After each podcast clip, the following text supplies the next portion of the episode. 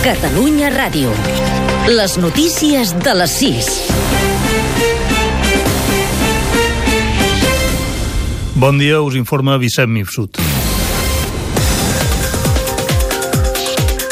El president del govern espanyol, Pedro Sánchez, demana al president de la Generalitat, Quim Torra, que inicie un diàleg entre catalans per acabar amb el que qualifica de crisi de convivència a Catalunya. Pero lo primero que tiene que hacer la Generalitat de Cataluña es abrir un diálogo entre catalanes. Cataluña tiene que abrir un diálogo consigo misma. Cataluña tiene que hablar con Cataluña. Porque es evidente que existe una crisis de convivencia y esa es la primera y principal responsabilidad que tiene el presidente de la Generalitat.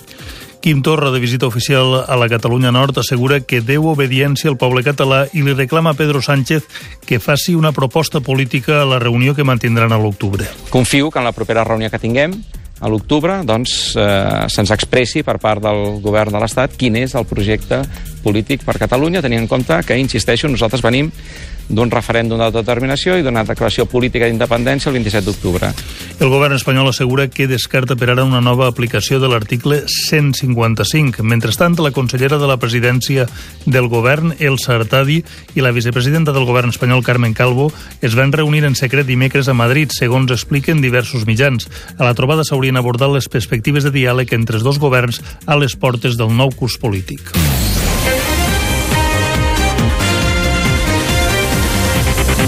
A partir de diumenge, els camions no podran circular pels trams més conflictius de la Nacional 340 i la N240 i s'hauran de desviar obligatòriament per l'AP7 i la AP2. Ho ha aprovat el Consell de Ministres.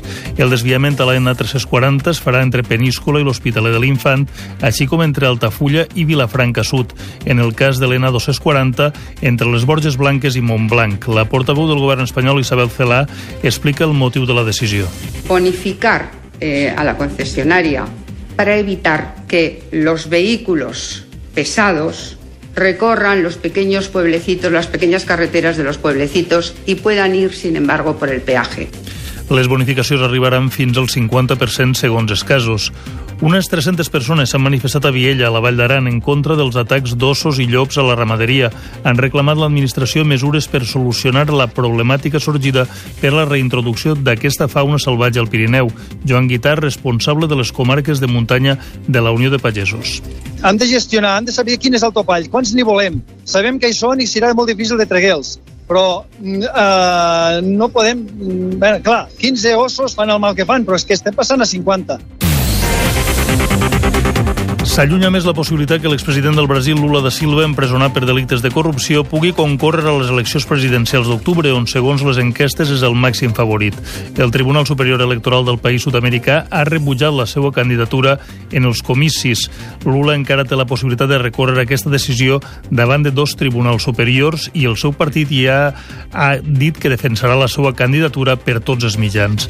A pesar de la seva situació judicial, Lula lidera tots els sondejos amb un 40% de preferència de vot per davant de l'ultradretà Jair Bolsonaro, amb prop d'un 20%. I Donald Trump talla tots els fons que concedia fins ara l'Agència de l'ONU per als refugiats palestins i que ja havia reduït. La decisió tindrà un fort impacte en els serveis que subministra aquesta agència a 5 milions de persones. La relació entre el govern dels Estats Units i les autoritats palestines s'ha deteriorat des del reconeixement nord-americà de Jerusalem com a capital de l'estat d'Israel.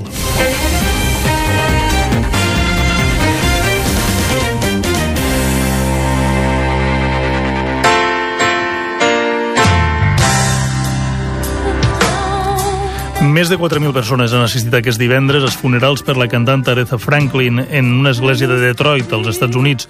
Una cerimònia de 8 hores en què hi han actuat artistes com Ariana Grande, Steve Wonder o Faith Hill i en presència de més de 15 personalitats de la política i la societat civil nord-americana com l'expresident Bill Clinton i la seva dona Hillary.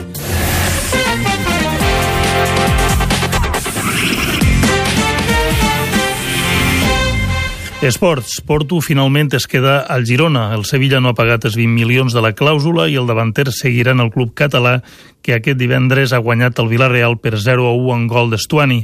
El Girona també ha tancat amb el City la sessió del brasiler Douglas Luiz una temporada més, mentre que Timor marxa traspassat a les Palmes. L'Espanyol, per la sua part, ha rescindit el contracte de Sergio Sánchez, tot i que només li quedava una temporada més com a blanquiblau, i ha signat amb el lateral Roberto Rosales. Rafinha seguirà al Barça, que ha tancat la sessió del lateral esquerre Marco Curella a l'Eibar. Marxa cedit un any amb opció de compra per al club basc. Fins aquí les notícies. Amanides, gelats, refrescos. L'estiu alimenta el desig de menjar diferent. A Catalunya Ràdio sabem satisfer-lo amb tres programes sobre gastronomia, enologia i cuina sana. De dilluns a divendres a la una del migdia, La Fonda, amb Pep Noguer. Pintem l'aire, dolors i sensacions. I el cap de setmana, a les 9 del matí, Sants i Estalvis, amb Adam Martín. Cuina natural, teràpies complementàries, esport, bons aliments... I dissabte i diumenge a la una del migdia, a l'hora del vermut, Tast Vertical, amb Empar Moliner. Pels que consideren que el vi és una experiència emocionant. A l'estiu, tens tres programes per menjar i beure bé a Catalunya Ràdio.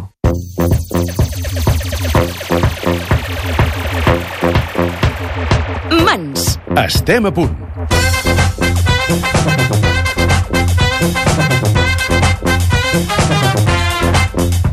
Bon dia i bona hora des d'ara fins a les 8 del matí a Catalunya Ràdio. L'obrim aquest 1 de setembre amb un mans que us portarà molta música i totes les novetats de l'arrel. Com hem anat fent al llarg d'aquest estiu, la primera hora serà molt musical, després ja a partir de les 7 del matí fins a les 8, eh, doncs eh, tota la informació sobre la cultura popular i la festa a Catalunya. Vinguis d'on vinguis, desperta l'aborigen. En aquest cas, doncs, fem aquesta selecció musical que comencem amb Jordi Molina i aquesta Flama de Farners amb Flama 3.0.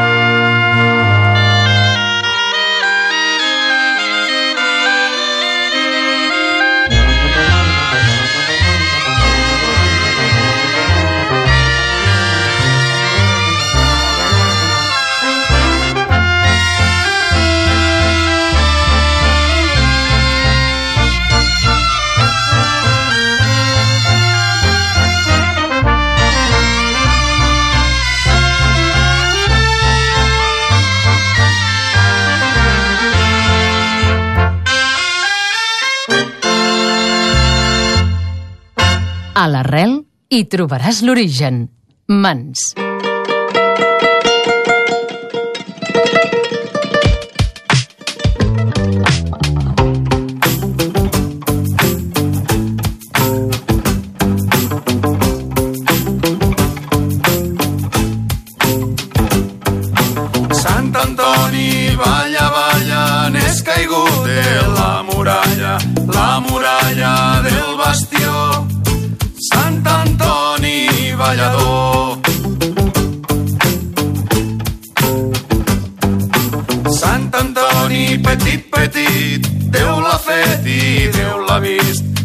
És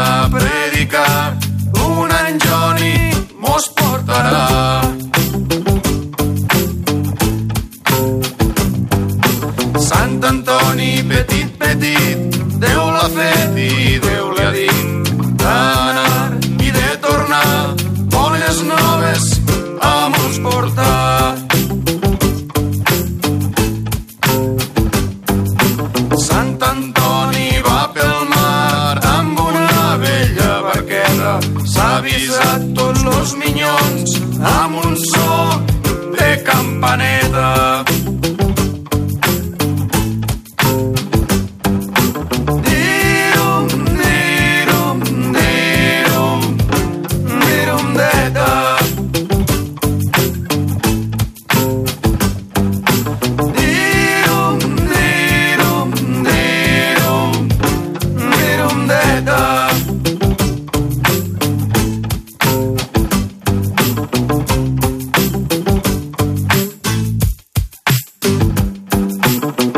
Sant Antoni Balla Balla l'hem escollit del treball Mans Manetes, de músiques de l'Alguer, reinterpretades per músics del Principat i músics també d'aquesta illa italiana. En aquest cas érem Carles Belda. El Mans, Esther Plana i Quim Rutllant.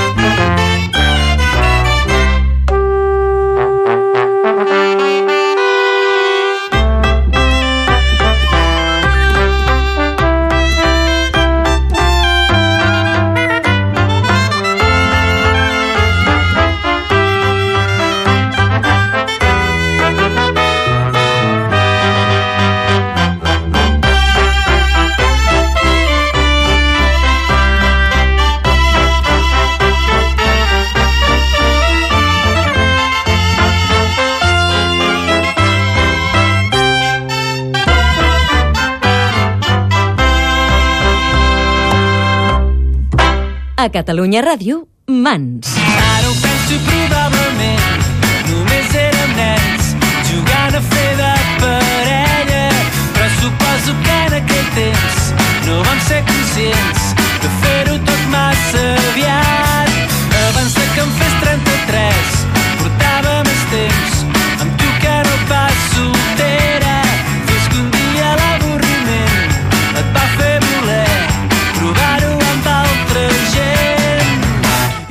i jo que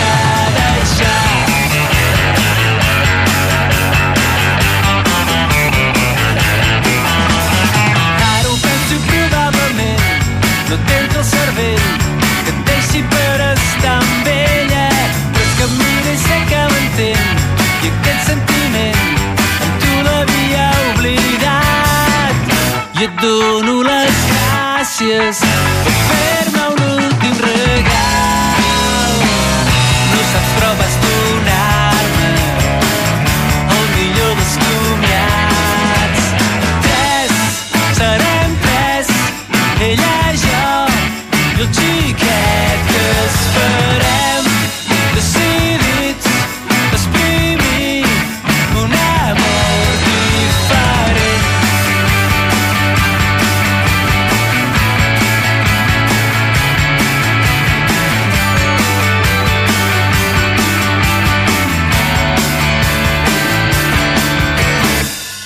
i et dono les gràcies per fer-me un últim regal. No saps proves donar-me el millor dels comiats.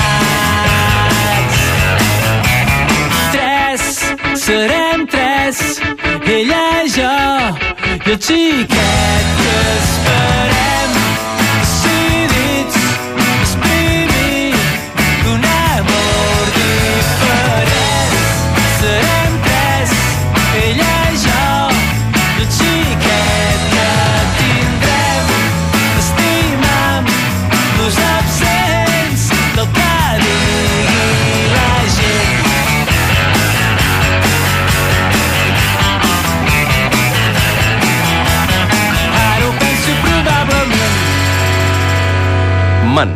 desperta el cap de setmana amb un somriure. I seguirem amb una sardana de Xavi Molina. Si fa una estona doncs, sentíem el seu germà Jordi, ara el sentim amb ell, amb la Bisbal Jove, un lloc en la història.